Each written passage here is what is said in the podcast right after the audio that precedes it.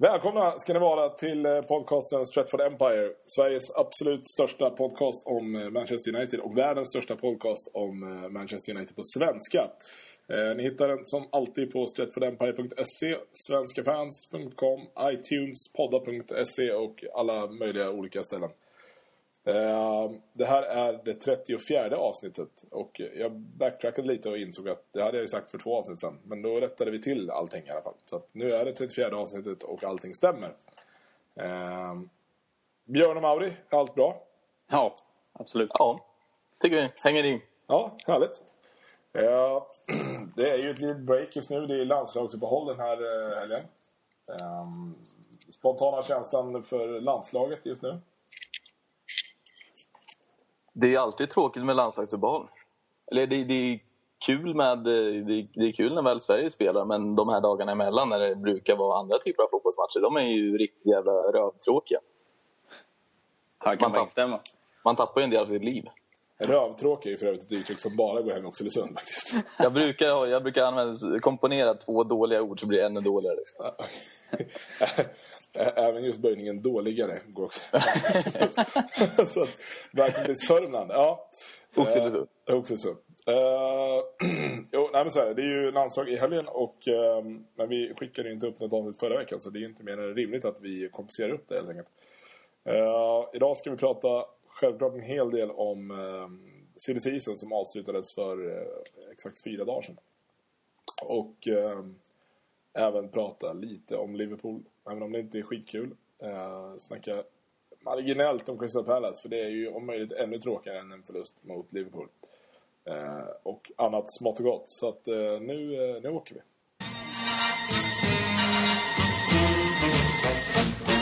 Now football is a pleasant game Played in the sun, played in the rain And the team that gets me excited Manchester United Manchester Manchester United A bunch of bouncing Busby babes They deserve to be knighted Men vi börjar väl ändå med Liverpool så har vi det någonstans gjort, känner jag. Mm. Det blev stryk. Och om vi ser till inför matchen, var, var stryk någonting som ni kände att det kan ju hända? Eller var, kändes det helt orimligt inför matchen? Liksom? Det kändes väl absolut inte orimligt att möta Liverpool borta är alltid svårt. De höjer sig alltid. Och alltså med den, när de ändå för en gång skulle ha fått en eh, halvvettig start så har väl de fått luften ur vingarna. Och, alltså, det, mm, det, det är ju fruktansvärt tråkigt som du säger men det, det, det är sånt som händer med jämna mellanrum på Anfield. Ja, jag hade också ett, eh, en tuff match på, på känn så att säga och tänkte väl att oavgjort hade varit inte acceptabelt men det hade liksom kanske varit rimligt um, med den truppen vi har eller sådär, den, lite av den formen vi har, lite osäkerheten sådär. Um, jag hade ju hoppats på en vinst såklart att, att de höjde sig, vi också, men, som Liverpool brukar göra så brukar väl kanske United kunna också göra det men um, nej, det gick väl inte så. Det är ganska kul när man kollar på, på Uniteds officiella hemsida så är det ju så att när, när United har vunnit så är oftast matchrapporterna på tre, fyra sidor. Men här är på en sida och det är exakt fem stycken liksom, stycken. det är tecken på att det även tar väldigt hårt. Eh, ja. Nej, men man ska väl komma ihåg att Liverpool är inne i, i ett jävla momentum eh, just mm. nu. Och eh, som vanligt så tror de att de kommer vinna ligan. Eh, och det jobbiga var väl just att det verkar även som att spelarna trodde det. Um, jag tycker det är synd att de vinner liksom på det jävla skitmålet som blir. Ja, för fan. Jävla flippermål kan ja, man tycka. exakt. Det blev så jävla menlöst bara så här, jaha. Uh, och för att vara helt ärlig så hade väl United inte sådär skitmycket att komma med heller. Det var oerhört tafatt. Mm. Uh, Absolut. Det var väldigt tafatt. Du kommer ju aldrig in i de här, alltså i, i den farliga i den farliga zonen liksom. Nej. Det var Van Persis avslut utifrån liksom, eh, från marginalen som egentligen inte var särskilt nära. Det var Nani skott utifrån som förvisso var ett bra skott men det gick mitt på. Alltså det, det var farligare än så blev det inte. Nej, exakt. Och Nanis, Nanis avslutar ju ett sånt här som liksom, det är ju mer att han inte riktigt vet vad han ska göra i alla fall. Så han kan Ja, lika gärna skjuta. Så att Ja. de, det är ju så här, man älskar ju dem när, när man går, kör igenom så highlights i, i efter eller i pauser av matcher. Och de pratar om så här, ja, och så hade United den här målchansen, men då målchans, han skjuter ju bara. Alltså det är så här, ofta tycker jag man sitter och irriterar sig på oavsett vilka som spelar. Så är det så här, ja det här läget, men det är inget läge. Han drar iväg världens jävla dosa liksom. Eh, sådär. Nej, det var väldigt tafatt. Men eh, om man ska plocka med sig någonting så är det ändå kul. Nani gör 27 minuter, Hernandez gör 17. Det är ju alltid något.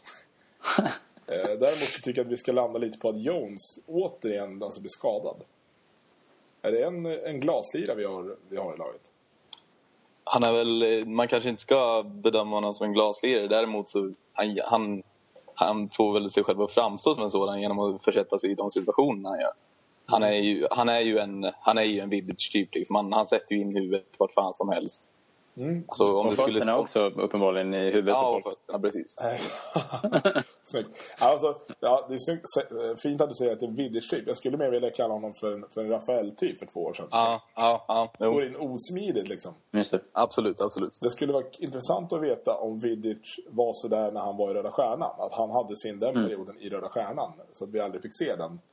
Eh, för att det ser ju inte sådär... Det är ju inte graciöst på något sätt. Det är ju bara liksom dumdristiga satsningar. Och, ja. Eh, nej, jag tycker det är tråkigt. Jag tycker att han... eh, Ja, det är lite som man börjar få känslan av att han kanske har eh, blivit lite överhypad från början med den här Duncan Edwards-jämförelsen. När det var liksom ja, nästan så att han blev gudsförklarad på, på en kvart. Just det. Ja, men han kan säkert ha fått lite hybris. Eh, Och tänker att han liksom är bättre än han är kanske så. Och, och um, tror att han klarar av situationerna bättre. Och det är ju farligt i sådana här lägen när man liksom riskerar det som han, som han gör att skada sig. Vi- Men, men, men ska, vi, ska vi enas om att vi inte ska vara oroade för, för Jones? Utan det kommer, det kommer ordna sig där. Ja, Jag tror inte att han är skadebenägen på det sättet. Jag tror bara att som, han, som du säger, han, han är lite klumpig så han råkar skada sig lite då och då. Så att eh, han får förhoppningsvis lära sig av sina misstag. Han borde göra det kan man tycka. Han är liksom en kämpe och han vill, han vill, bara, han vill vara en kämpe. Men det kommer, han han kommer väl inse sina, sina eller naturlagarnas begränsningar eftersom. Eh, jag tyckte någonstans det var intressant också att se vad, eh, vad Manchester United är i år utan eh, Wayne Rooney med tanke på hur bra han var mot Chelsea och hur mycket han ändå saknades mot Liverpool. Eller var det bara min, min reflektion? Nej, jag håller definitivt med. Jag tyckte den motorn fanns inte där. Det fanns ingen... fanns inte den här... Um, vad ska man säga? Han, han är ju ångloket någonstans som bara kör på hela, hela matchen och hans lungor är större än största luftballongen. Liksom. Det, det, det är verkligen någonting som behövs som kör igång um, anfallet och, och, och sådär. Det, det saknades jättemycket tyckte jag. Ja, att, att, till och med, att till och med Van Persie blev så pass, eh, så pass frustrerad som han blev och var, var relativt nära att liksom gå över gränsen. Det tyder väl ändå på att han kände att det var något som saknades. Liksom. Att han, var, jag vet inte riktigt. Han var, han var ju inte sig själv. Och det, var, det, var garant, det var säkert en stor del att Rooney saknades där bakom som Mm. gjorde det. Ehm, slängde ut en tråd på Twitter här tidigare i eftermiddag och frågade folk vad vi skulle prata om. Eh, och Kagawa kom ju upp eh, som ett förslag. Och det är intressant i perspektiv till den här matchen med tanke på att här blev han alltså placerad på läktaren. Eller, han kanske, eller om han ens var med till Anfield, jag vet inte. Hur som helst så, så satt han inte på bänken. Eh, och veckan innan, ja, mot Chelsea satt han ju på bänken hela matchen. Eh, och det kom ut någon så här grej om att ja, nej, men han var inte matchfit än efter försäsongen och han har konstig försäsong och bla bla. Eh, vad, vad händer med Kagawa? Gillar inte Mois Kagawa? Eller är det någonting annat? För nu har han ju spelat, han har spelat med Japan idag. Och Alltså- enligt eh, rapporter var helt fantastisk så mycket han spelar. Jag, jag undrar om han helt enkelt inte passar in i något typ av spelsystem som Moyes vill eh, köra med. Eh, han, jag menar, han, han funkar ju bäst i, i, i zonen mellan eh, så att säga, centrala mittfältet och anfallaren. Eh, och där har inte jag sett så många spela hittills. Eh, det är väl i så fall Rooney kanske som fixar det, men han är ju egentligen anfallare då och så droppar han ner. Det, det är ju inte Kagawa, han ska ju stå där emellan hela tiden känns det som. Och det är väl något som, i alla fall reflektion jag gör nu, liksom, att, att Mois verkar inte riktigt köra med det spelet så känner han kanske känns Kagawa bara ja, men han, han passar inte in liksom och så får han vara på bänken. Det är väldigt synd men det är min tanke. Alltså någon, någonting, någonting lurt är ju. Jag minns inte om det här var någonting Mois själv sa eller som det spekulerades kring. Men i alla fall att han skulle Hans antytt eh, att... fysiska att, status menar du? nej, att han... Jag har för mig att han sa någonting om att han valde mellan att sätta Nani och Kagawa på bänken. Och då skulle ha valt Nani istället. Ja, just det. Jo men det har jag läst. Mm. Och det, det känns ju... Det känns ju eh, rätt konstigt med tanke på... Alltså, skulle man då inte istället kunna undanvara eventuellt Bittner eller Smalling? Ja. Som båda står på bänken. Särskilt när man har Val- Valencia på bänken som kan användas som en ytterback. Då har man ju alltså tre, eh, eh, alltså tre eh, eh, som man kan sätta in defensivt. Ja. Det Ja. känns lite som ett överflöd. Det känns fel att inte Kagawa utrymme där. Ja, men även Andersson satt ju på bänken. Ja, just det. Ja. Eh, och då tänker man ju så här... Ja, jag vet inte. Och sen ska man väl kanske reagera lite på det faktum att när Jones går sönder i 37 minuter och måste gå av så tar man inte in Småling utan man tar in Valencia. Ehm, det är ju sådär betyg till Småling kan vi säga. Vad gjorde Smalling där på bänken kan man undra. Exakt, exakt. Då var ju något, jag menar att jämföra alltså, och, och välja mellan Nani och Kagawa, det är ju inte, alltså, det är inte samma spelare heller. Alltså, Nej. Även om båda gärna utgår från kanten så är det två helt olika speltyper. Nej, det var konstigt. Det, och det känns lite märkligt hela, hela situationen med Kagawa än så länge. Ja. Eh, och i, det är lite synd, för man har ju gillat alla hans uttalanden om att, liksom, att han är jävligt missnöjd med förra året och att han skulle visa vad han kunde i år och bla bla. Mm. Eh, så det ändå känts som att så här, fan, han var ju jävligt redo. Men ehm, ja. Det är, det är klart, nu har ju för inte Hernandez har ju inte heller kommit tillbaka kanske nu efter Confed Cup. Så att det kanske ligger någonting i det, men det är ju märkligt. Men äh, Coutinho, var inte han med i Confederation? Det kan han ha varit. Jag tänker, han har ju fan spelat alla matcher för Liverpool. Liksom. Jag, jag tänkte på en annan grej. Um, om eh, Mois kommentar efteråt om liksom så reflektion efter spelet. Liksom. Mm. Han fick ju en fråga liksom, så här, vad tyckte du om, eh, om matchen. Och så här, han tyckte att United spelade bra. Och någonstans kändes det som att han var nöjd med att, att inte vinna. Eller sådär. Man tyckte att liksom, ja, vi lyckades inte få in chanserna. Det, Exakt. Och det där har ju mycket av det eftersnacket handlat om också. Att Mhm. United inte såg ut att vara så desperata för att vinna. Eller ja, liksom kvittera i alla fall. Exakt. Eh, och det är alltid jävligt svårt att bedöma. Framförallt när det blir som det blir. Att de är mål i fjärde minuten och sen parkerar bussen mer eller mindre. Mm. Ehm, jag vet inte. Alltså jag, tycker, jag tycker det känns konstigt att en sån som liksom... Ja men Giggs, uh, Welbeck, Van Persie, alltså de som... Ja, det är svårt att se att de plötsligt skulle ändra inställning och bara, nej men fan det är inte Sir Alex där så att vi kan ju bara ta det lugnt liksom. Det här är inget skitdåligt resultat. Det är, jag tycker det känns märkligt. Mm. Så jag vill inte tro på det. Jag tycker det är en typisk Niva-analys. Jag tror inte att det är så att de inte ville vinna någonting sådär. Det var bara att det var liksom eh, ändå intressant att han säger det på det sättet. Ja, det är absolut. Men det är klart det är väldigt diplomatiskt och det är väl det han vill bör lyfta fram kanske sådär så att det inte ska Sen bli ska för vi stort. ju komma ihåg att Moyes har ju aldrig vunnit på Anfield. Nej, det är ju det. Eh, Så att för honom kanske det var ett fall framåt och bara stryk med hemboll. Men vilken jävla vinnartränare. Ja. Hur som helst, vi stänger boken för, för Anfield eh, för nu. Eh, vi kommer väl... Nej, vi har hemmamatch i kuppen. Yes. Just det. Bra, då behöver vi inte åka tillbaka dit än i alla fall.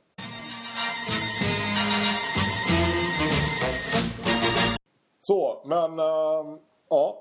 Ska vi ta och ehm, prata lite silly season nu? Det kan ju ta ett tag. Fan vad kul det blir. Ja, det ser fram emot. Så.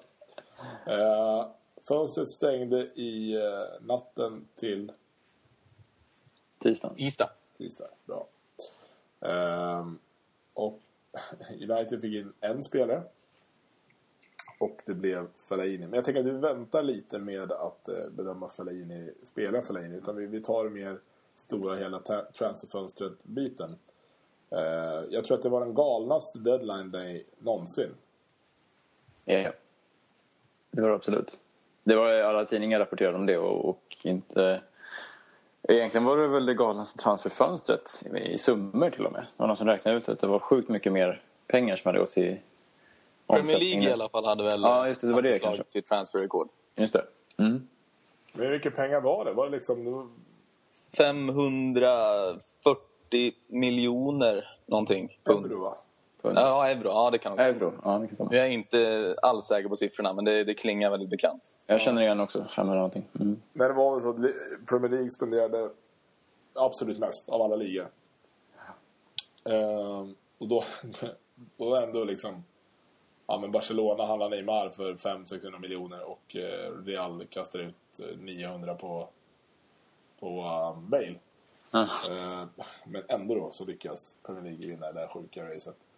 Det har ju mycket att göra med tv-pengarna, det ska vi komma ihåg. Det var ju ett nytt avtal som trädde i kraft nu som alla fick pröjs för. Så att um, där har ju även de mindre lagen kunnat köpa ganska, ganska namnkunniga spelare. Om inte annat så har de fått betala överpriser för, för, för spelare. Men eh, i det stora hela då, om vi, om vi, det känns ändå som att eftersom alla andra har pratat om det i alla andra forum så måste vi också nämna Bale till Real. Eh, tycker vi att Spurs gör rätt som någonstans...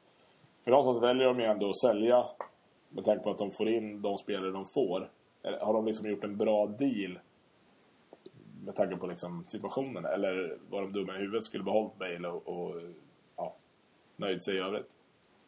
Jag tycker på, på pappret så kan man väl ändå tycka att de, att de har liksom fått in bra spelare för de pengarna. Ehm, inte ersatt Bale kan man ju aldrig göra riktigt på det sättet men man kan ju ändå fylla på hål som man kan köra i resten av laget så att det liksom blir en bra helhet på något sätt med de pengarna då. Ehm, men det får vi se hur det funkar. Så där har vi sett sådana här övergångar när stora spelare flyttar liksom, hur svårt det är att ersätta och göra om ett lag på det sättet. Eh, Så det vet man ju aldrig hur det blir riktigt men eh, på pappret tycker jag det ser ändå en ganska bra värvningsstrategi liksom, efter det. Mm. Tänkte du Björn? Ja, det är ju, alltså, i, i teorin åtminstone så är det ju, så är det ju ett, eh, så har ju de gått med, eh, gått med vinst alla dagar i veckan. De har fått in, jag vet inte hur många det är nu, är det sju, åtta? Sju, åtta lirare. Varav åtminstone hälften av dem är riktiga klasslirare. Och en sån som Bale, nu, nu började han klaga på att vilja ta sig därifrån. Och han är ju en typisk sån spelare som, han, han hade inte nöjt sig med att vara kvar i Tottenham längre. Och då är det lika bra att mjölka kon så länge det går. Hade man behållit honom ett år kanske han hade ja, gått ner sig något, blivit skadad eller, eller vad som helst. Så hade de inte fått ut lika mycket för honom. Så att, ja. Det är ganska kul att se. Är, är det några eh, supportrar i, i, i Sverige till engelska lag som är jävligt pretentiösa och tycker sig vara lite finare än alla andra så är det ju Spurs-fans och eh, Arsenal-fans. Eh, det är ganska kul att titta på statistik över spenderade pengar när man ser att Spurs ligger väl, om inte tvåa så i alla fall trea efter City och Chelsea i år. Ehm, jag, tycker, jag tycker det är skönt att se att även en sån där jävla pretto-klubb, om jag får använda det uttrycket, eh, även eh, går loss fullständigt. Sen är det klart att det hade väl känts ganska bra om United hade satt sprätt på en miljard när, när vi fick det för Ronaldo också. Eh, istället för att bara skicka över Atlanten, så att säga. Eh, hur som då. Eh, vilket lag i ligan tycker ni har gjort... Eh, jag vet att vi pratade om det här i avsnitt 32 om jag inte minns fel. Där vi eh, pratade om vilket lag i ligan som hade gjort bäst eh, transferfönster så långt. Om vi eh, stannar där nu när det allt är klart. När vi har facit i hand. Vilka, vilka, ser, eh, vilka har förstärkt absolut bäst? Det, det, jag tycker det är lite svårt att uttala sig om innan, innan man verkligen har sett vilka, vilka effekter nyförvärven får. För det är flera utav, flera, flera utav nyförvärven som har kommit till City, ja, till City bland annat som man inte har sett så mycket av än så länge. Och man vet inte riktigt hur man ska värdera Jovetic, Fernandinho och så vidare. Men spontant skulle jag nog ändå säga Chelsea tror jag. Förutom att de, ja, ja, ja Chelsea tror jag. Sen får man inte glömma bort ett sånt lag som, som Southampton. Men det känns ju lite fel att dra in dem i den här diskussionen. De har gjort, relativt sett har de gjort stora värvningar och smarta värvningar. Wanyama är vass. Wanyama och sen, eh, vad heter den där rackaren från Roma då? Osvaldo. Just det. Det är ju liksom för ett mittenlag i Premier League så är det ju rätt skapliga inkomster, eller ny- nya spelare liksom. Men det är väl också det är väl på grund av tv-pengarna som de har råd att göra. Måste det Ja, vara. jo, garanterat. Det är sjukt. Mauri, vad, eh, vilket lag har slagit dig med eh, häpnad? Jag kan väl säga att jag ser ett par olika bottnar i det. Eller, eh, jag, jag tänker först, Tottenham är det jag tänker på eh, som har gjort som har imponerat kanske mest just för att de är ett lag som har legat någonstans eh, på gränsen till Champions League-plats. Men nu verkar det som att de gör en liten satsning för att komma uppåt. Jag tror att den kan lyckas med den värvning de har gjort. Um, kanske en tredje, fjärde plats för att liksom hålla sig där kan man hoppas eller tro, jag vet inte. Um, för ja, och sen Chelsea och City har ju liksom gjort bra värvningar men det förväntar man sig nästan av dem. Det är lite det jag tänker liksom att Tottenham har, har dragit till med det här och det ser ut som att de gör det på ett bra sätt också. Vi får, vi se om det håller men, men jag tror att det känns som den eh, häftigaste liksom, omställningen i den eh, delen av tabellen så att säga. Mm, mm. Så tänker jag. Sen kan man väl kanske inte frångå heller att eh, det åtminstone nu verkar som att Liverpool kan ha agerat rätt bra. När de har så att säga gjort sig av med, eh, med eh, bottenlasten i form av Carroll och Downing och vilka det nu är mer. De har Shelby också. Och sen tagit in vad som verkar vara rätt så, rätt så kompatibla och duktiga lirare. Liksom. Mm, mm. Mm. Och sen lyckas behålla Suarez efter många Ja, precis. Uh, jag är faktiskt inne på att Liverpool har gjort det riktigt, riktigt bra. Framförallt har de lyckats knyta till sig kanske lite mer spännande namn som uh, verkligen kommer vilja bevisa sig. Uh, och det är det som oroar mig något. Mm. Uh, hur som helst, det är sjuka pengar som snurrar och ingenting är sig likt från år till år. Men ehm, om vi landar lite då på, på Uniteds prestation så är det ju eh, omöjligt att inte landa på Ed Woodward som oavsett vad alla tidningar skrivit alltså inte är VD i United. Han har inte den positionen men han agerar med en VDs eh, rättigheter. Befogenheter skulle jag säga. Um, vilket är så kul att läsa att alla skriver det. Ja, VD. Ja, det är inte han som är VD utan det är den förra marknadschefen som har rollen som VD men han har ingenting med värvningar att göra. Uh, så, det är fascinerande men så är det i alla fall. Vad eh, känslan efter hans eh, fantastiska tur här då? Det var ju då i, nu ska vi se så att jag säger rätt här. 17 juli så eh, lämnade han United i Australien. Med hänvisning till uh, Urgent Transfer Business. Och det här är, det är ett uttryck som det blir så klassiskt så att det går liksom inte ens att säga det på svenska. Man måste ju använda uttrycket Urgent Transfer Business. uh, vad är om vi, om vi betygsätter Ed Woodwards jobb sedan den 17 juli fram till den 2 september på en skala 1 till 10. Eh, varsågod. Äh, etta. Alltså, fy fan vad kast. Jag kan inte säga något annat. Han, han har inte koll på hur marknaden funkar på något sätt. Han har sån, det märks att han inte har varit där och, och gjort det där jobbet tidigare. Han är så grön känns det som. Det, det är verkligen... Jag tycker det är bara jobbigt. Ja, det är väl svårt att ge något annat.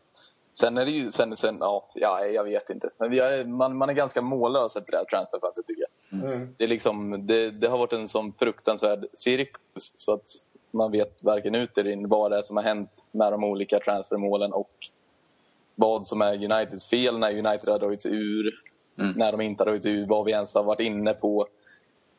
Ja, det, det är förvirrande helt enkelt. Om vi, eh, jag är arg och förvirrad. Om, ja, det var nog han också. Ja. Om vi leker med tanken att eh, Fellaini hade blivit klar eh, typ 2 augusti. Hade vi då gett eh, Woodward ett annat betyg? Eller är det just, även alltså, oavsett att slutresultatet är enbart Fellaini som, som gör att, att man tycker att han har varit rutten? Förstår ni vart jag vill komma? Absolut. Jag, jag, nej, jag tror man skulle absolut inte ha den här diskussionen om vi hade gjort klart Fellaini tidigare. Nej. Även om det kanske skulle ha framgått att han inte var det absoluta första valet så hade det ändå indikerat att de hade någon form av tydlig plan som yes. de nu inte verkar ha haft nu. Mm. Och jag hade inte varit det minsta missnöjd med bara Fellaini om det nu inte hade skett en halvtimme, eller ja, i princip på transferfönstrets sista minut. Mm. Nej, för det, det, är, ja, men det är lite så jag känner också. Att hade de bara liksom gjort klart med honom tidigt och löst den biten. Så, och sen, sen hade de ju kunnat liksom sagt bara, nej men vi är nöjda. Um, och då hade alla köpt det. Och sen så även hade det klart det hade ju varit rykten om att United hade varit ute och snurrat efter den ena och den andra. Men då hade det fortfarande bara känts som att ja, men det här är ju bara rykten som allt annat. Mm. Men nu blev det ju så uppenbart att de var så fel ute. Ja, det, är, det är ganska tråkigt när han går ut med ganska tätt in på deadline att liksom, ja, men vi hoppas fortfarande på vara en, en, två spelare tror jag han sa. Något mm, där, liksom. det, säg inte sånt. Han är så otränad liksom, i PR-sammanhang känns det som. Det känns som att i princip alla uttalanden Mois har gjort skulle ha kunnat vara korrekta så här i, i efterhand om det hade varit så att Fellaini hade varit klar när han sagt det. Ja, exakt. exakt. uh, om vi tar de här stora cirkuserna en efter en. Vi börjar med, med Thiago Game som vi ändå har pratat en hel del om. Eh, när det sen då kom ut att United inte ens hade varit intresserade av honom.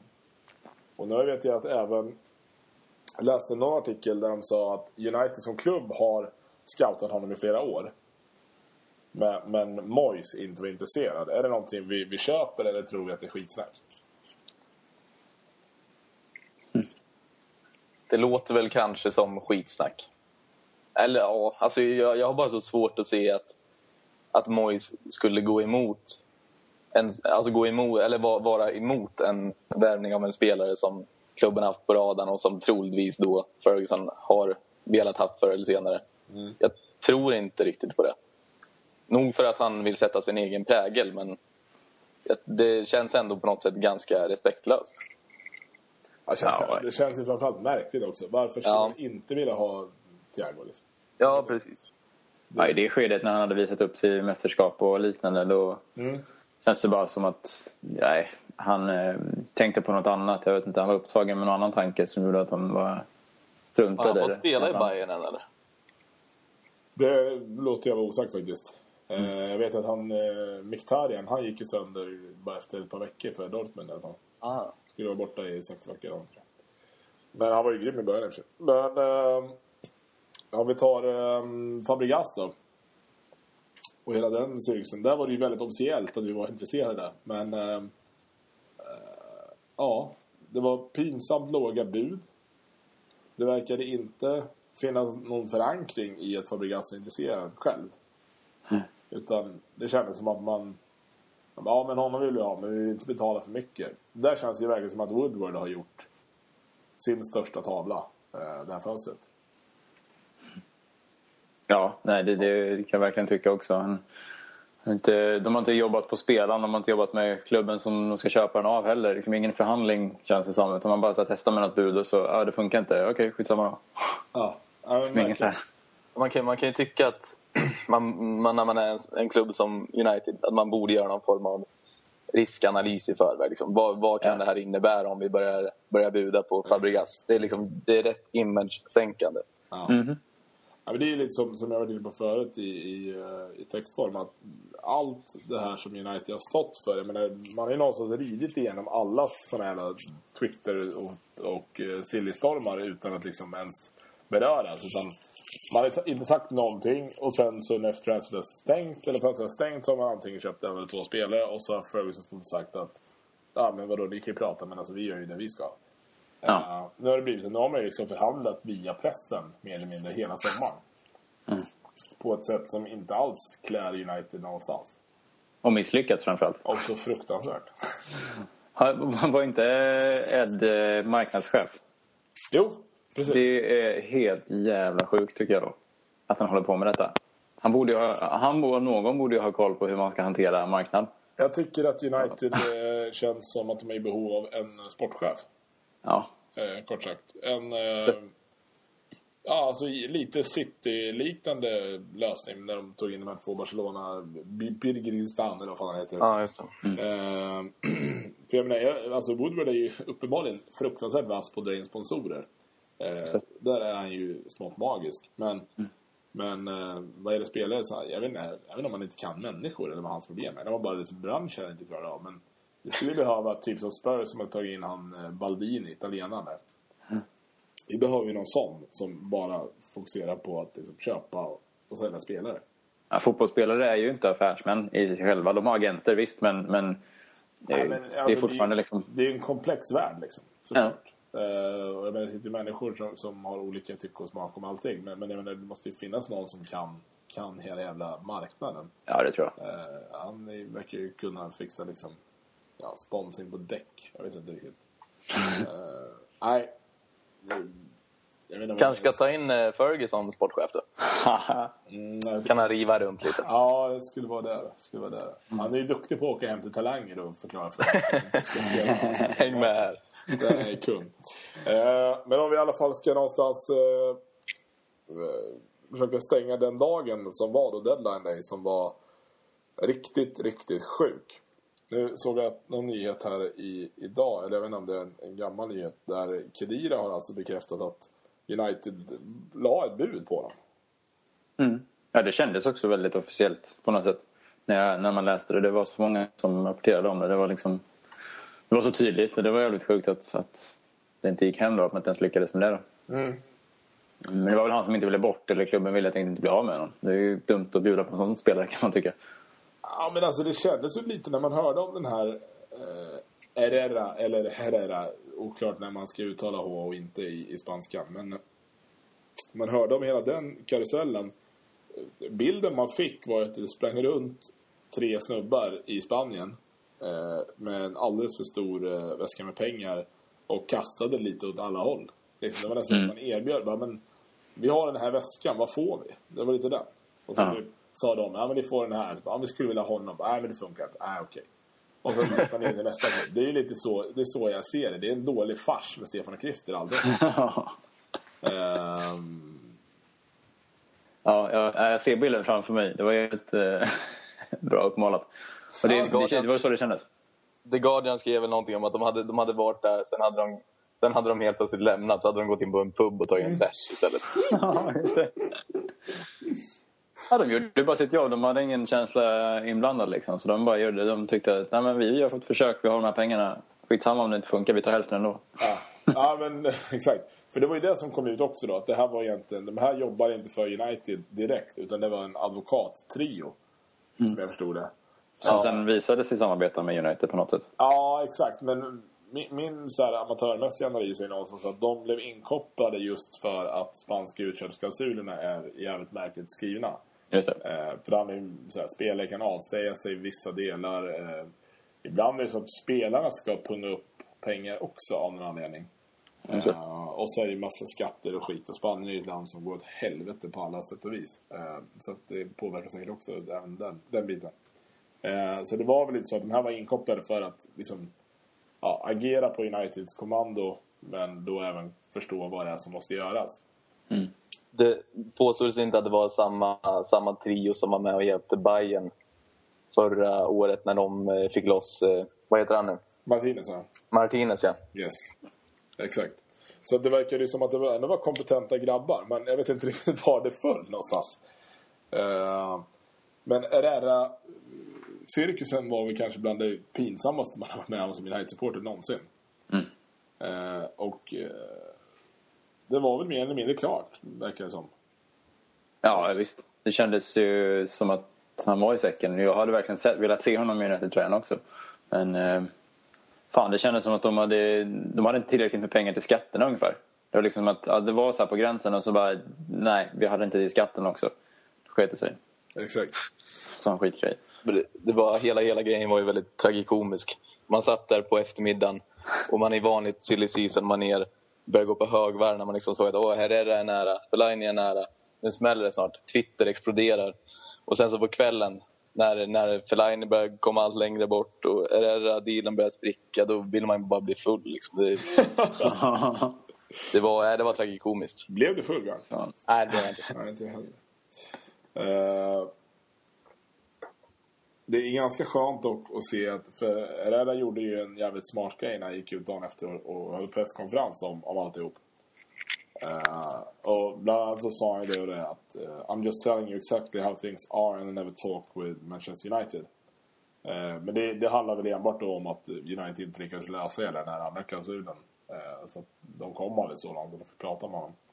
Precis. Eh, det roliga är att en, en annan twittrare som har skrivit att eh, what, eh, what Herrera is basically trying to say is I'll make you look good now but sign me in January you stupid dicks.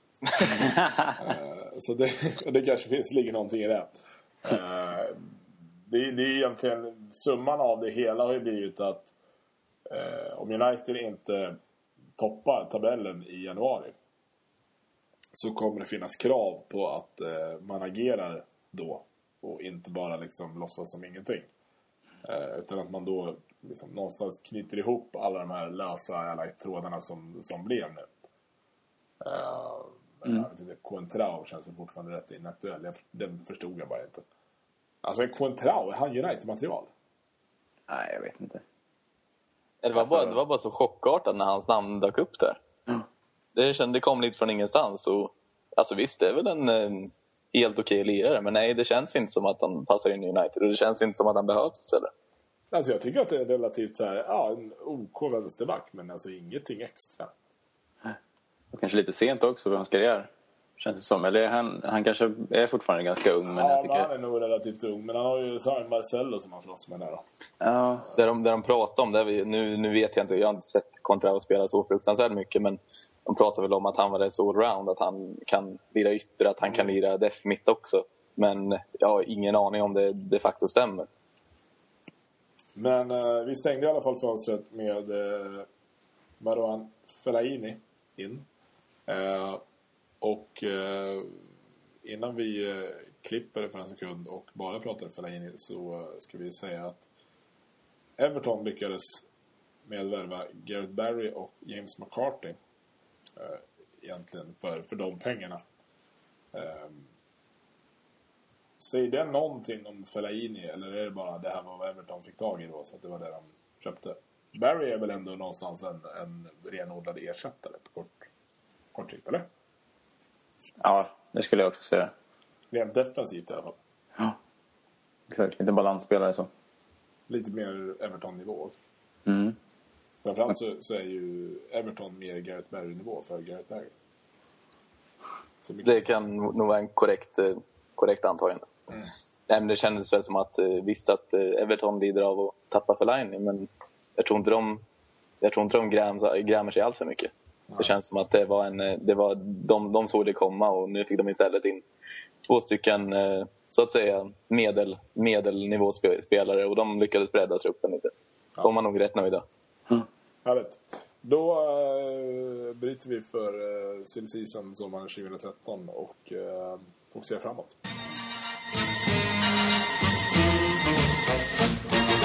Då så. Eh, Manuel Fellaini alltså. Eh, reservation för uttalet, eller är det Fellaini eller Fellaini? Det borde en belgier som borde vara Fellaini, tror jag. Fellaini. Ja, jag är inne på det spåret också. Ja. Eller vänta nu, de, det beror på om han är från flamländska eller, eller den andra delen. Okay. Han är från Marocko. Faktiskt. Påverkar. Ja, okej. Okay. Det påverkar en del. Ja, en hel del. Uh, ja, nej, men i alla fall. Jag, jag tycker att det känns uh, spännande nu med fast i hand.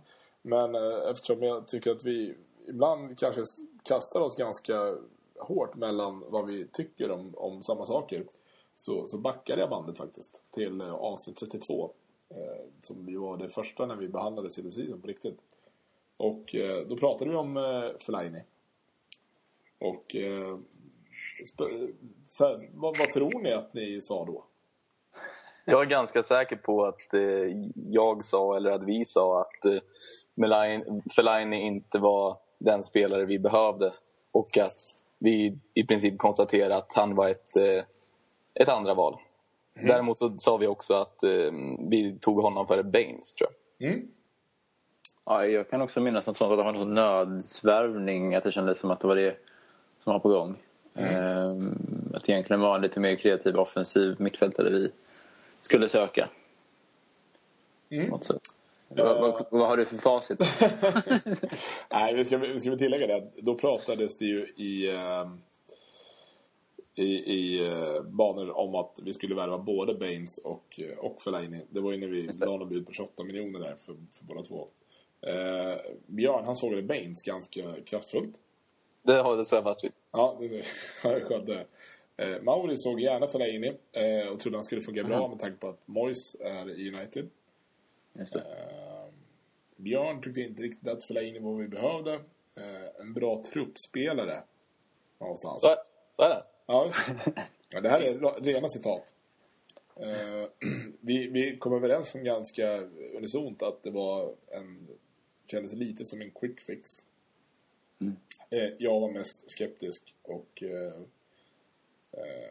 tyckte att eh, det vore skönt att veta att det var målet från början. Och jag vet inte, någonstans så kan man väl känna att eh, med tanke på att det blev klar en halvtimme innan transferfönstret stängde så är vi väl ganska överens om att det här inte var målet från början. Ja. Och det skaver. Något oerhört. ja, det kan inte vara kul för spelaren heller. Nej, eller hur? Det måste vara fruktansvärt. Och när han dessutom måste så här, klockan halv elva lämna in en transferbegäran för att sänka sin klausul med 40 miljoner. Alltså det är helt sjukt. Alltså det är ett under att karln ens ville gå till United till slut. Ja, det är ju att han har haft Moyes som i så fall är den enda förklaringen till att han faktiskt gick med på att göra det. det, det jag kan inte se något annat. Han skulle inte gjort en annan klubb. Så är det ju helt klart. Men har vi, har, vi, har vi fått några siffror på vad han kommer tjäna? Inte sett någonting faktiskt. Jag, jag misstänker väl ändå att han, den, här, den här bonusen som han fick eh, överge, den borde han väl ändå tjäna igen. Eller tjäna igen tack vare ökade lönekostnader. Man vill ju gärna tro det. Det, det borde i den eh, vanliga världen vara så. Men man vet inte. Han kanske tog en riktig jävla pisslön. Han var riktigt sugen på att komma. Ja, alltså det är intressant för han vill väl förmodligen väldigt gärna eh, spela Champions League rimligtvis. Mm. Um, så att det, det får man väl ändå, ändå köpa. Kan inte hitta någon löneuppgift på honom så här nu heller när jag kollar. Känns rimligt att de skulle höja hans lön ganska ordentligt. Att han får ganska saftig lön, det tror jag. Ja, United verkar vara glada i det nu. På något sätt. För få spelare. Men, nej, men jag tänkte på att vi kan prata lite om Nani sen, men, men han fick ju ganska mycket högre lön än vad jag vet. ja, han ju Som också eh, känns, ja men det är ett tecken lite på att United liksom kan göra sånt. Det har man gjort tidigare med Rooney och sådär. Så, Mm. Exakt. Eh, hur som helst då. Eh, Fellaini klar. Han är ju en, en spelare som eh, egentligen föl, följer den mallen som, som eh, vi eftersträvar. Men han är ju inte riktigt på den eh, nivån kanske. Eh, vad, vad, vad vi har sett än. Visserligen så, så briljerar han ju i Everton. Men Mm. det är ju med, med spelare som, som eh, PNR bredvid sig. Och PNR är ju ungefär lika spännande som Lennon. Det är ju sparka spring. Mm. Eh, ja, ja, jag tycker det, är- det är lurigt med Fellaini. Jag vet inte riktigt vad jag ska förvänta mig heller. Alltså, oavsett vad gäller liksom position, målskörd, alltså vad det blir av honom. vad, vad, vad känner ni? Nu har det ändå gått några dagar så de är ändå någonstans landat, eller liksom släppt besvikelsen över att det inte blev mer, så att säga. Men, men vad, vad känner ni inför nu? Typ Crystal Palace. Ska Fellaini gå in direkt från start? Och vad kommer han då bidra med som ingen annan eh, kunde bidra med? Jag tycker nog att han ska gå in direkt från start. Bredvid Carrick. Och eh, han ska väl helt enkelt bidra med, med fysik. Mer eller mindre. I första hand. Eh, för att det känns som att det kan vara ett väldigt trevligt alternativ att starta med Carrick och Fellaini sen mot City. Så att eh, Fellaini kan, eh, kan hjälpa till att ta hand om, eller jag kan, skulle ta exempelvis Jaja. Men eh, om han nu överhuvudtaget ska ha en chans att spela mot City så måste han ju få chansen dessförinnan. Frågan är om han ska starta. Han kan ju hoppa in också. Det kan han göra. Eh, Men å andra sidan, jag ser inte heller någon annan position än, än bredvid Carrick just nu. Det gör jag inte. Jag har svårt, verkligen svårt att se att han, han, nej, han funkar ju inte att byta ut Carrick. Det är det som är problemet. Jag har fortfarande ingen ersättare till honom. Liksom. Eh, han kan funka då och då, men, eh, men en Carrick fyller en helt annan, helt annan skor än någon annan kan just nu. Ehm, men han, jag tror ändå att han, han har ju en offensiv, lite offensiva kvaliteter. Liksom. Ehm, passningar och liknande. Men ehm, jag vet inte, han är inte så... Ah, fan, vi saknar fortfarande den jävla kreativa motorn alltså. Men, men. Alltså han kommer ju bli en, en spelare som, som egentligen kommer ta över lite den rollen som Giggs har haft när han har spelat centralt. Mm. Eh, för Giggs har också blivit någon typ av balansspelare på äldre dagar. Ja, precis. och, och det är där han måste gå in. Det jag ändå fascineras över är hans... Eh, som jag inte hade jättebra koll på ska jag säga innan jag väl skrev om honom. Eh, han har ju lungor som, som ingen annan. Rooney då, kanske. Vad? Som Rooney kanske Ja, då. ja men exakt. Alltså, det, han kommer ju, han kommer ju löpa utav helvete över 90 minuter varje match. Vilket någonstans känns lite intressant. För det kommer mm. inte spela ingen roll om det handlar om omställningar bakåt eller framåt. Eller bara generellt liksom hålla hög, högt tempo hela tiden. Det behöver vi. Ja, verkligen. Mm, om man tittar på Liverpool-matchen så behöver vi verkligen det. Exakt, exakt. Mm. För där kändes det lite som att vi någonstans gick neråt vartefter och liksom det hände ingenting till slut. Mm. Uh, så jag vet inte. Han har ändå okej okay målsnitt för att vara mittfältare. Nu har han inte spelat en del forward i, i uh, Everton också. Men framförallt så ser jag fram emot att se om, om han kan fungera som någon typ av uh, referenspunkt på på längre bollar. Han är ju 1,94 lång till att börja med. Men sen är ju, han är ju erkänt bra på huvudet också. Vilket känns eh, intressant. Vi kan behöva honom på defensiva eh, fasta situationer. Verkligen, verkligen. Som fan. Shit, alltså det har ju varit en katastrof liksom hittills. Det... Jag kommer ja. för, förra säsongen tror jag att van Persie var den som nickade bort flest hörnor ur United straffområde. Han var ju bäst på huvuddueller, eller nickdueller överlag tycker jag. Ja. Sådär. Mm. Uh. Det ja, men det, är, det är bra att få in en sån faktiskt. Det är ju. Mm. Um... Man får ju störst hår också av alla, så det är ju, ja, det är en bonus. Mm.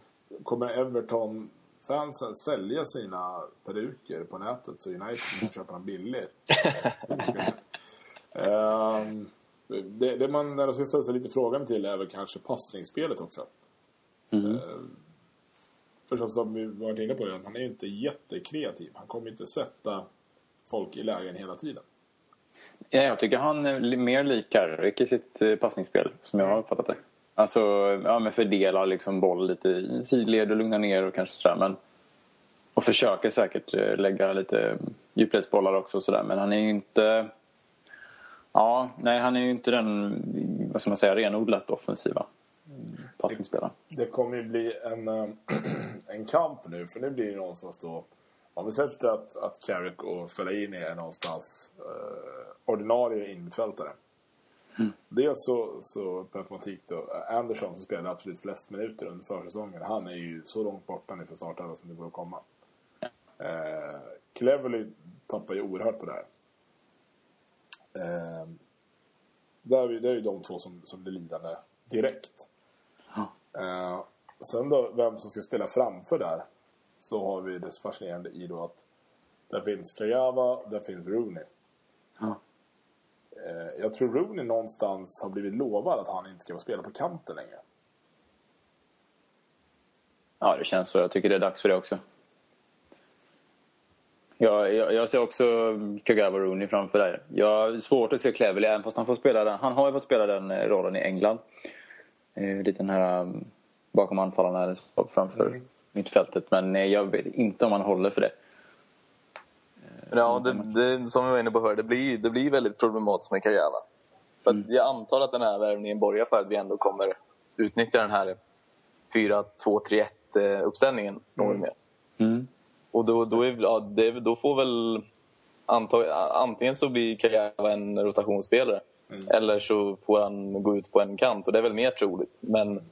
å andra sidan så har vi har vi rätt mycket att fylla på med där också. Ja, så har du Welbeck någonstans mitt i allt. Ja, Welbeck. Chicharito. Mm. Eh, Som ska spela också. Alltså det är ju väldigt tjockt där framme nu.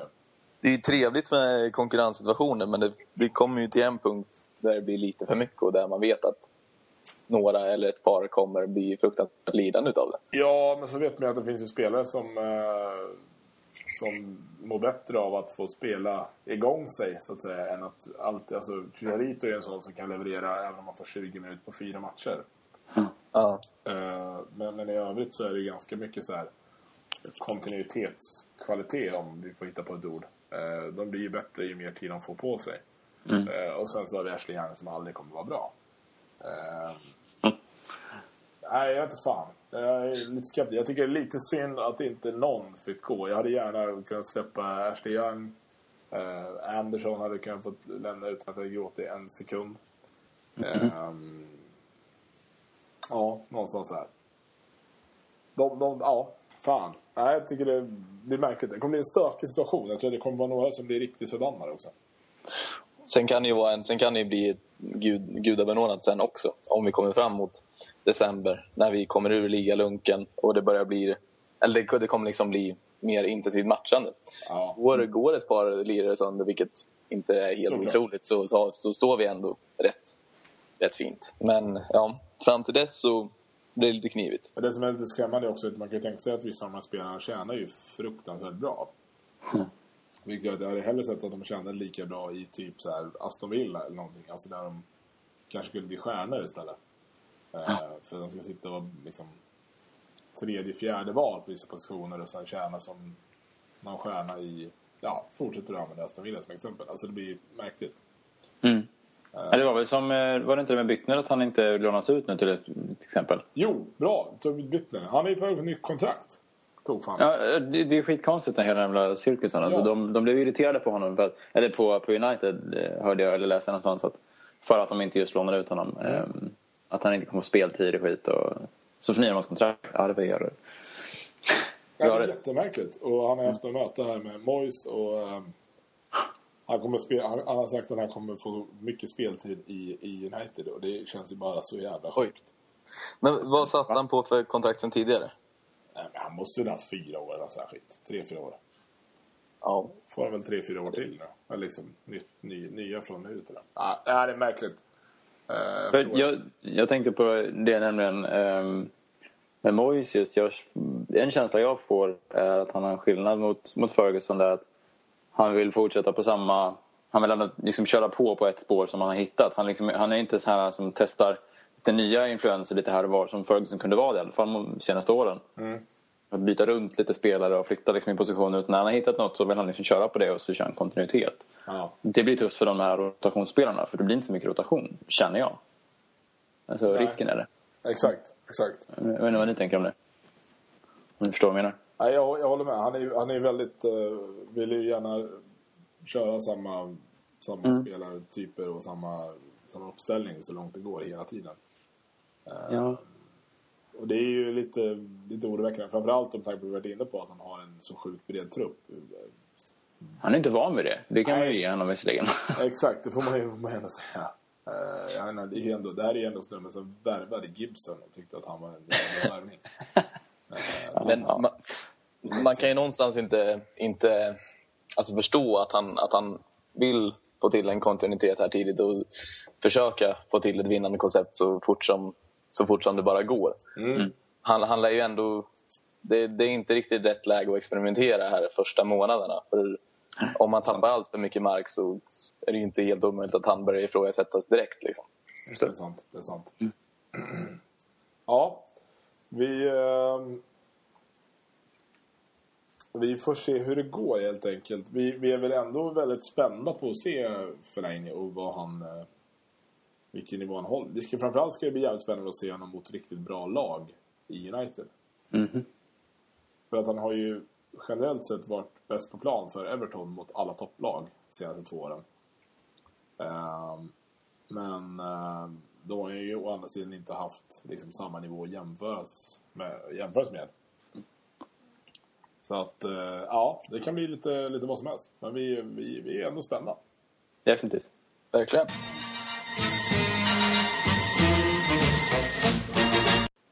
Härligt. Vi eh, ska väl även då ta upp de här killarna som faktiskt lämnade då, även om nu inte Ashley Young och Anderson, eh, ja, vi blev inte av med dem helt enkelt. Så var det några andra som eh, vi lånade ut, trots allt. Det var väl fyra stycken då, Björn? Fyra som vi lånade ut sista dagen, ja. Och sen hade vi fyra utlånade sen tidigare. Kan du eh, ta oss igenom hela... Ja, jag kan ta igenom dem. Sant. Eh, ja, Nick Powell blev utlånad till Wigan. Och det blev väl ett, han blev väl utlånad för, för resten av säsongen. Mm. Eh, och det känns, väl, det känns väl någonstans väldigt naturligt. Ja, rimligt, känner jag. Ja, väldigt rimligt. Med tanke på att han ändå kom, när han kom förra sommaren, då hade han ändå varit kontinuerlig startspelare i Crew i... Uttalar man så? Crew? Mm. Mm. Ja, i League One. Och då liksom komma till United och sen eh, bara få spela med reservlaget. Det känns som att det, det är fel sätt att ta sig an en sån talang. Men ändå gjorde han det bra i A-laget när han väl kom in. Absolut, absolut. Men det, det känns som det överflöd av, av offensiva mittfältare som man väl ändå får kategorisera honom som. Så känns det väl som att eh, det känns rimligt att låna ut honom. Är min, är min, är min synpunkt i alla fall. Mm. Eh, sen så lånade vi även ut eh, Bebe. Mm. Den gamla räven till Pacos eh, Ferreira Ja. i Portugal. Han kommer få spela i Europaspel där, är inte helt fel. Också oerhört rimligt. Ja, väldigt rimligt. Rätt sen för honom. Eh, David Petrucci till eh, Royal Antwerpen. Eh, Marnik Vermil till Nek Nijmegen i holländska ligan. Och Royal, Royal Antwerp, det är ju alltså belgiska andra divisionen. Just det. Och sen, sen tidigare har vi Sam John, Johnston i Geoville, Anelo Henriquez i Zaragoza, Ryan Tunecliffe i Ipswich och Reece- James i Carlisle United. Om jag tittar på de här spelarna så ser jag det som att Nick Powell kommer vara United trogen. Eh, jag tror att eh, Fermil kan bli någonting. Jag tror att eh, Enriquez, han kommer komma tillbaka och vara jävligt vass när eh, Chicharito väl går till någon spanskt eh, nästan topplag. Mm. För att få ordentlig speltid. I övrigt tror jag det här är spelare som vi aldrig kommer att se i United. Inte Johnson heller. Ja, Jonsson men jag tycker det är svårt för att han är bara typ två år yngre än vad de Gea är. Ja, just det. Så det skulle sant. liksom Mm. förutsätta att de Gea går till Real eller Barcelona då rimligtvis. Hm. Ehm, men, men i övrigt så, så tror jag det är ganska... Det är nog vad det är.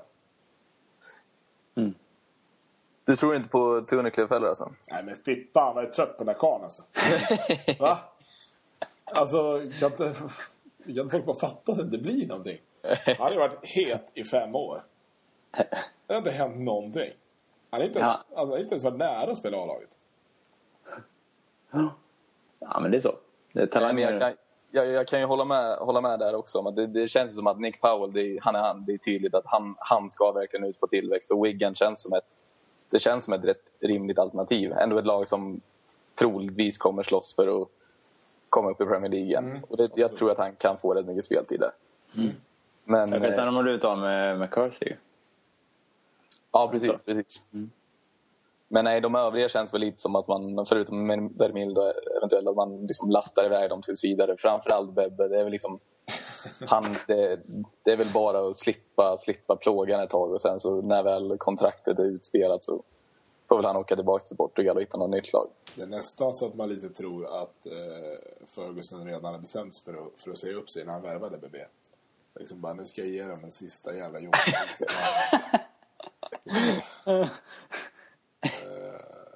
Ja. eh, Wigan har väl gått helt okej inledningsvis. Eh, kommer absolut vara med, det tror jag. Eh, och det vore, cool, det vore jävligt coolt om han fick briljera i ett, i ett så pass liksom, namnkunnigt lag ändå. Och, och ta plats. Det är grymt. Man gillar ju Maloney i, i Wigan. Generellt så gillar man ju människor som heter Maloney. De är oftast relativt. det är så det är. Om vi går in på Nani då. Eh, som vi har varit inne lite på tidigare. Men signar nytt femårskontrakt. Eh, vart det egentligen officiellt i och med att Juventus sa det för en halv vecka sedan när de erkände att de hade försökt värva honom men inte fick. Utan att han skulle skriva på nytt för, för United. Eh, oväntat sett till att det är Moyes som ändå har valt att han ska ha ett nytt kontrakt. Eller? Ja, det var oväntat om man tänker på hur det har sett ut eh, kanske precis mot slutet av förra och, liksom den här försäsongen och liknande. Det känns som att han är på väg ganska ordentligt för att han själv känns som att han har velat bort. Men, men sen så har man sett honom lite nu i, i, när han har kommit tillbaka igen eh, efter sommaruppehållet eller så. Så tycker jag ändå han har visat att han går... Och mot Liverpool kan man ju säga att han visade upp ett, ändå, en typ av vilja som man inte har sett på länge. Eh, Sen har han ett jävligt långt kontrakt som man också så här undrar lite hur, hur committar den egentligen. Men det, det får vi ju se liksom. Jag är inte det lite för, liksom, för, att, för att verkligen ge Nani lite, en liten boost? Liksom, att vi, vi tror verkligen på dig. Vi, vi kommer vilja ha kvar dig i fem år, så kör på nu. Va? För att man, vet, man vet ju samtidigt att Nani är ju en sån typ av spelare att om han om ett, två år inte har kommit igång igen Mm. då kan man ju lämpa av honom till eh, Zenit Sankt Petersburg eller vart vart fan som helst i Ryssland. Det är, något lag kommer ju vilja knipa honom för en hyfsat rimlig summa. Ja. Tänk att han kom samtidigt som Hargreaves. Det var svårt att förstå det. Presenterades det samtidigt tillsammans va? ja, jag har sett bilden på det också. Det, mm. Uh, jag, jag tycker det är lite som jag skrev någon på Twitter. Det var någon som hånade hela kontraktet fullständigt. Men det blir så här.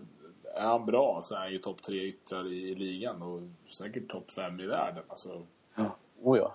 ruggig teknik. Men, men har ju ett för klent psyke. Han har ju inte riktigt det som Ronaldo hade vad gäller huvudet. Liksom. Nej, precis. Eh, och det är ju det han blir lidande av. För mycket humörsvängningar helt enkelt. Väldigt mycket humörsvängningar. Eh, och sen Jobbar med PMSen tycker jag.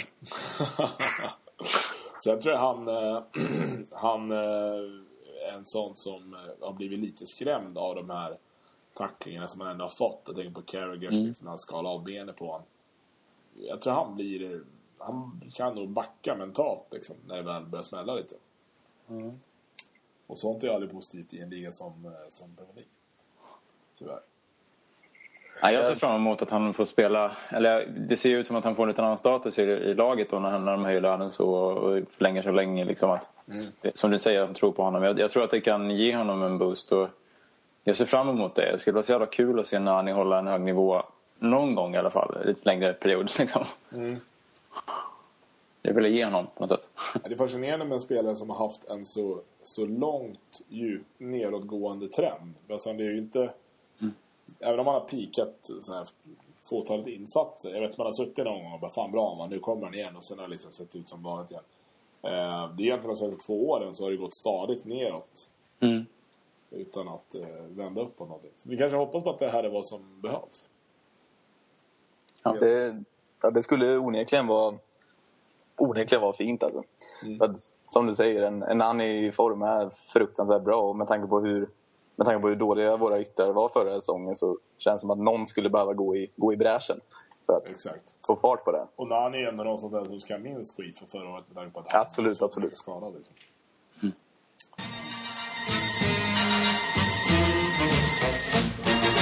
Härligt. Då ska vi plocka bara... Det är ett långt avsnitt där, men det är väl härligt. Eh, vi måste ju självklart prata lite Champions League. Och eh, ta upp den här lottningen som vi då har fått. Eh, eh, vi har ju haft flyt här nu egentligen två år i rad med, eh, med lottningen. Och eh, det var väl inte så att man eh, blev skitnödig av den här heller, eller? Nej. Det var rätt lagom, tyckte jag. Ja, verkligen. Det är lite så här... Eller ja, det känns som en typisk eh, mellanmjölks, mellanmjölksgrupp. Mm. Det är liksom inte de här absolut minsta klubbarna. Men det är inga skräckinjagande klubbar heller. Precis. Shakhtar skulle ju kunna vara skräckinjagande men med tanke på de tappen de har haft inför den här säsongen och Mm. under förra vintern så tror jag ändå att det, de är betydligt försvagade. Och de är, eller de är liksom i någon form av övergångsfas. Mm. Och sen dessutom så möter vi dem borta i början av oktober. Och då har väl inte den här ukrainska vintern slagit till än. Så det är, det är faktiskt en fördel. Mm. Ja, ja det är korrekt. Vi ehm, fick ju alltså då Shakhtar, Bayer Leverkusen och eh, Real Sociedad. Och... ehm, nej, men vadå ärligt? Vi ska väl vinna den här gruppen, eller? Ja. Utan tvivel. ja, det vore, det vore lite fiasko om vi inte gjorde. Nästan. Det Ska vi, ska vi, ska vi visa hur mycket vi vinner gruppen då? Om vi kan göra så att vi är klara efter fyra matcher igen så. Ja, precis. Ja, för. Så spelar det ingen roll om vi vinner med tre poäng, eller? Nej, det är ju mycket skönare att ha det så skulle jag säga än, än att vi skulle vinna liksom med, med sex poäng eller något sånt där. Ehm, det är min eh, tanke i alla fall. För det var skönt att kunna lufta lite spelare sen eller sådär. Liksom bara ta det. Om man är klar, att, att man är klar gruppvinnare till och med. Mm. Ja, Det skulle vara det, skulle vara det skönaste. Då har man ju liksom ja, sex poäng och jävligt bra målskillnad före de andra efter fyra omgångar. Då, eh, då kan man ju känna sig lugn. Sen får vi inte glömma bort att det är Sami Hyppie vi har att göra med här i Bayer Leverkusen. Det är ju Ja, det- mina man kan gå på. Ja, jag vet. Det finska, finska blodet där. Det är... Jag känner med mina landsmän där. Jag vet, jag vet hur de, vad den Man går för. börja skriva lite i lojalitet med tanke på att Sami Hyppie finns i Leverkusen. Exakt. Sådär. Nej. Ehm, nej, men det är ja, lite som du var inne på Björn också. Att Shakhtar är skönt, vi har den tidigt. Uh, kan vi knipa gärna 1-0 skitseger där så, så känns ju gruppen rätt klar. Uh, Bayer Leverkusen är ju... De lever ju i en konstig verklighet med tanke på att Bayern München är så fullständigt överlägsna i, i den ligan. Eh, så även om de liksom kommer trea. Nu ramlar väl de med lite på att eh, tyska ligan gick om eh, italienska senast va? Mm. De fick fick, väl fyra platser istället för tre. Precis, och de fick den sista platsen. Så. att- Nej, de kom trea. Gjorde de det? Ja, de kom trea. Schalke fyra. Ja, ah, okej, okej. De har rätt så bekväma treor också. Tror att Leverkusen landar på 65 poäng och Schalke på 55. Gud vad på dåligt. fjärdeplatsen. Gud, gud vad dåligt du låtsas som att du vet. Det här sitter du och kollar nu. Det är ju uppenbart. Nej, det här har jag i huvudet faktiskt. Ja, men deras mest spännande spelare är väl eh, Lars Bender va? Ja, det får man säga. Det måste man väl ändå igenom. Simon Rolfes är ingen, eh, ingen dussinlirare heller. Men det är ju som sagt det är en annan nivå på, på att komma trea i eh, Premier League och trea i Bundesliga. Det måste vi ändå slå fast. Så är det Och då vann ju vi ändå då, eh, Premier League. Så det måste man ju ändå tycka att det är bra. Stefan Kiesling också kul spelare. Roligt. De tappade ju Schürrle som spelar i Chelsea. Han spelar väl i Just Leverkusen. det, det stämmer. Det stämmer. Eh, ja, det blir eh, spännande att se. Vi får väl återkomma till det. Det kickar igång 17 september, så det är ett par veckor kvar. Ehm, och då har vi Leverkusen direkt, va? Det kan nog stämma. Mm, jag tror det. Bra koll. Jag måste ta fram Google. det är så här Leverkusen gör. hemma. Leverkusen hemma, ja. Jajamän. Det är fint. Eh, bra, 19 17 september som sagt. Men eh, först då Crystal Palace 14 september. Jag vet inte, känner ni att ni har jättemycket att tillföra om Crystal Palace? Nej. Inte egentligen. Nej, vet du vad vi gör helt enkelt? Vi, vi gör så att vi, eh, vi eh, återkommer om Crystal Palace nästa vecka helt enkelt. Vi behöver Det inte prata till mer än så. Utan vi, vi, vi kör ett avsnitt nästa vecka inför Crystal Palace. eh, Och då ska vi prata massor om Crystal Palace. Framförallt så ska vi nämna eh, Lombardo och Thomas Brolin när de var där. Eh, för det är något som är värt att prata om.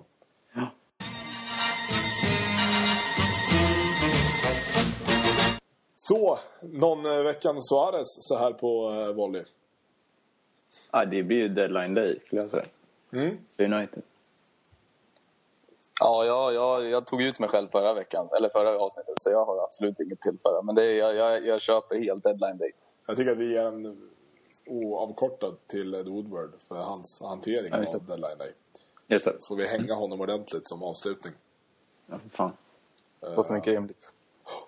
Nu eh, gör vi så att vi tar, eh, vi tar helg och eh, hoppas på att Sverige mirakulöst slår Irland ikväll. När Richard Ja. Land ställs mot Zlatan. Bara en sån sak.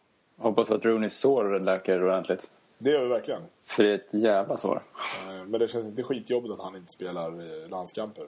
Inte, Nej, det- heller, inte heller att Carrick eh, ser ut att vara petad för England. Nej, det, jag tycker sånt är ganska skönt. Så man slipper riskera någonting. Ja, det, slipper bli förnedrad av Moldavien framförallt. Det är en märklig, eh, en, en märkligt resonemang där ändå. För att innan uttagningen så sitter man och eh, förbannar sig över att Liverpool får med sig spelare i landslaget. Och sen när det är dags för startelvan så sitter man och jublar åt att United-spelare inte är med i startelvan. Det, det är en konstig logik som jag inte riktigt förstår. Men det är en, en forumlogik som jag inte riktigt eh, har anammat, antar jag. Ja. Härligt. Vi eh, tackar för den här veckan. Det är kul att ni lyssnar. Eh, som vanligt hör av er med eh, kommentarer och allt annat smått och gott. Hat så gott som lyckliga mejl. Det är kul att få. Ha det Så, bra. vi hörs nästa vecka. Ha det! Hej! Trevlig helg!